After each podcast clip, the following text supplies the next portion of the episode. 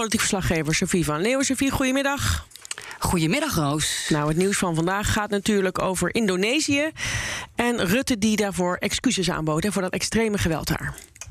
Ja, hij stond uh, zelf in een uh, zaaltje in Brussel, waar hij is vandaag voor een, uh, een top tussen de Afrikaanse Unie en de Europese Unie. En hij gaf een korte reactie op het rapport van het NIOD. En het kabinet biedt vandaag voor het eerst diepe excuses aan voor het excessieve geweld dat daar heeft plaatsgevonden. Stelselmatig en wijdverbreide extreme geweld van Nederlandse zijde die jaren consequent wegkijken. Vorige kabinetten maak ik vandaag namens de Nederlandse regering diepe excuses aan de bevolking van Indonesië. Vandaag moeten we bovendien constateren dat excuses van het kabinet op hun plaats zijn aan iedereen in ons land die met de gevolgen van de koloniale oorlog in Indonesië heeft moeten leven. Vaak tot de dag van vandaag. En dat opvat alle groepen, inclusief de veteranen die zich destijds als goed militair hebben gedragen. Ja, toch wel een momentje, Roos. Uh, Rutte die onderschrijft dus die conclusies van het rapport. Den Haag wist destijds van het extreme geweld mm -hmm. tussen 45 en 49. Ja. Ze keken weg. Maar Rutte, ook opvallend, hij wil het geen oorlogsmisdrijven noemen. Okay. Hij zegt, dat vind ik nou een juridische kwalificatie. Het was extreem, we nemen er afstand van. Maar ja, of het nou oorlogsmisdrijven waren... Ja, mij lijkt het wel, maar daar, zo hard, die harde woorden neemt de premier nu niet in de mond. Oké, okay. en um, wat koopt Indonesië eigenlijk voor die excuses of de slachtoffers überhaupt als ze nog leven? Het is zo lang geleden.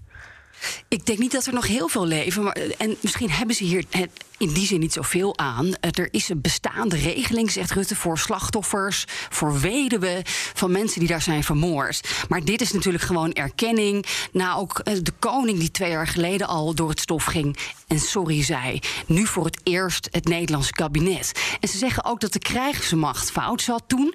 Um, en daarna nemen ze ook weer afstand van een eerdere kabinetsuitspraak uit oh ja. 69. Ze, niet dus die individuele veteranen, die militairen. Zij hebben niet de schuld, maar hun leidinggevende. En natuurlijk politiek Den Haag, het parlement, het kabinet destijds.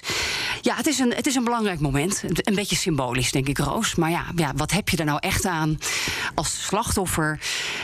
Geen idee. Ja, maar goed, het is beter later nooit. Maar wel goed dat dit een keertje echt goed is uitgezocht. Want ik kan me nog herinneren tijdens geschiedenisles op de basisschool... dat het ging over politionele acties. Ik ga ervan uit dat in de geschiedenisboekjes nu toch echt anders gaat Ja, Rutte die zegt nu ook, het was een koloniale oorlog. En toen ik dat hoorde, dacht ik eindelijk. Kunnen we het eindelijk gewoon een koloniale onafhankelijkheidsstrijd... Noem maar wat het is.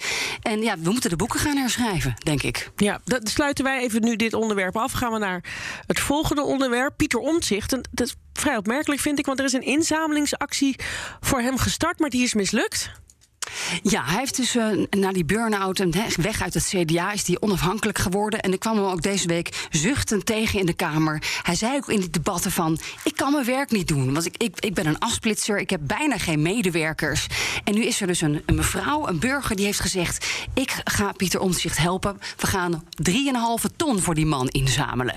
Om, zodat hij zijn Tweede Kamerwerk beter kan doen. Ze zegt ook, ik ben geen fan van hem... maar ik vind het gewoon goed wat hij doet. Ik kijk naar die debatten en en die is uh, op zo'n crowdfunding site uh, nou, een actie begonnen. Even luisteren hoe Pieter Omtzigt dan ook klaagt over ja, hoe, hoe het met hem gaat solo zonder medewerkers. Ik word geacht de wetten van dit land te controleren. Ik heb daarvoor op dit moment dus anderhalve medewerker. Om alle wetten door te lezen en te bepalen hoe ik stem. Het kost mij moeite, maar ik zal het u vertellen.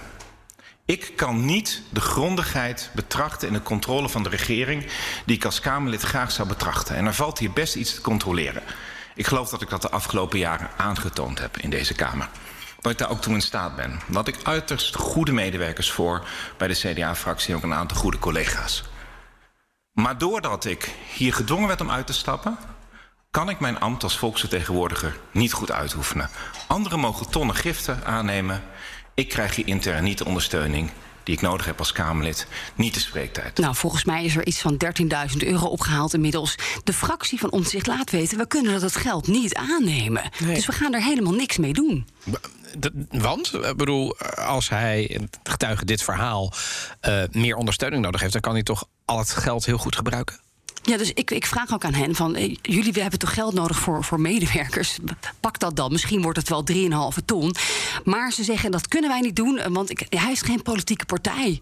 Hij heeft alleen maar een stichting, fractieondersteuning. Er zijn strenge regels in de Tweede Kamer. Hij mag niet zomaar geld aannemen. Moet heel zorgvuldig, transparant. Geen idee waar al die stortingen, al die tientjes vandaan komen. Dat zijn vaak anonieme donoren. Maar goed, ik hoor dus wel dat ze nu waarschijnlijk zelf... een fundings, een crowdfundingsactie gaan opzetten... bij de fractie Omzicht. En dan hoopt hij dan daar alsnog ooit... een extra medewerker van te kunnen betalen. Dan zit ook bij jou in Studio Den Haag ehm, CDA-Kamerlid Henry Bontebal. Meneer Bontebal, een heel goede middag.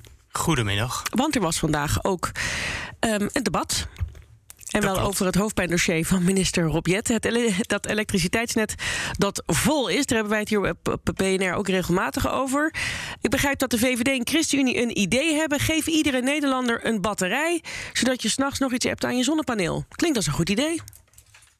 Ja, dat klinkt als een goed idee. Maar niet alles wat als een goed idee klinkt, is het dat ook meteen. Ehm, ik, ik ben zelf niet meteen tegenstander van dit, ehm, van dit voorstel. Maar je moet er wel eerst even goed over nadenken. Want een accu bij mensen thuis is niet per se ook meteen gelijk een oplossing voor dit soort eh, eh, netproblemen. Maar waarom niet? Want je ziet nu ook dat mensen die zonnepanelen hebben... mijn buurvrouw die heeft dat bijvoorbeeld, die zegt... ja, soms dan kan ik er helemaal niks mee, want dan is het net vol. Krijg ik er niks voor. Dat klopt, hè, maar het is, een accu is niet gratis. Dat, dat apparaat kost een paar duizend euro. En ehm, ja, die pieken die, de, die, die die zonnepanelen op het net veroorzaken... Die, die vinden maar een heel beperkt aantal keer per jaar plaats.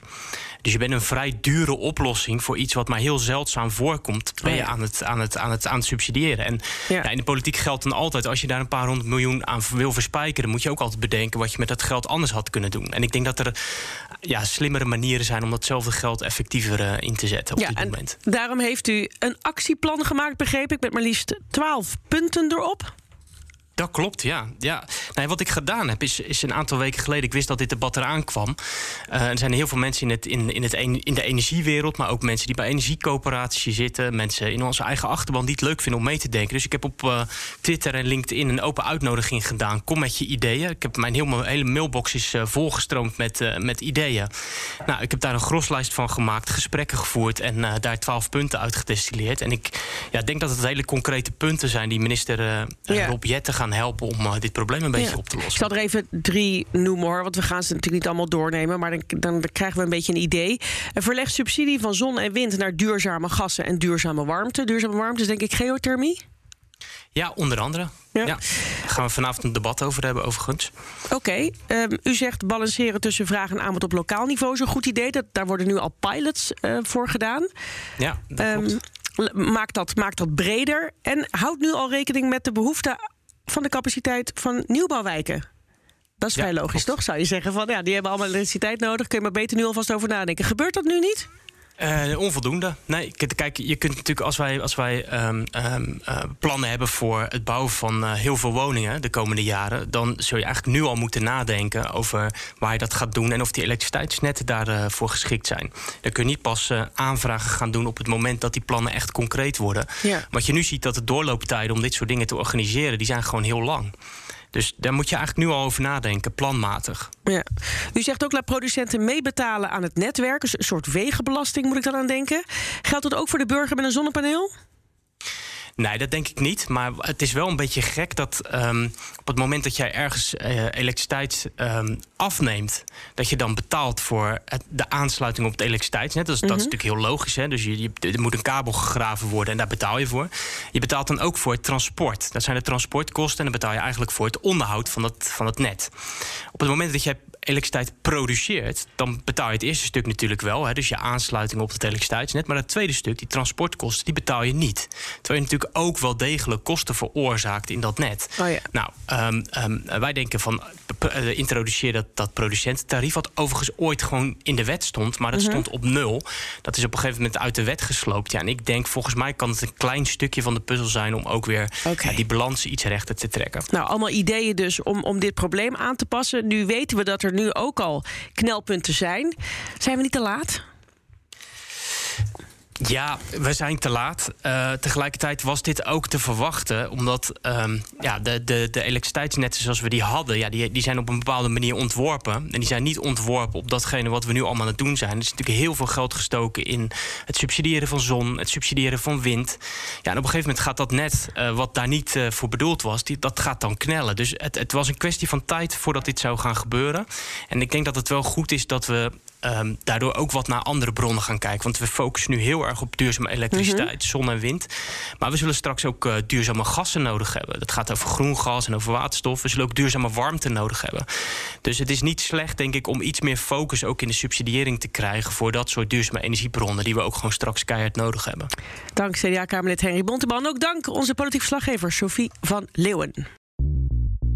Bij BNR ben je altijd als eerste op de hoogte van het laatste nieuws. Luister dagelijks live via internet. Bas van Werven. En heel langzaam komt de zon op rond dit tijdstip. Je krijgt inzicht in de dag die komt op BNR, het Binnenhof in Nederland en de rest van de wereld. De Ochtendspits. Voor de beste start van je werkdag. Blijf scherp en mis niets.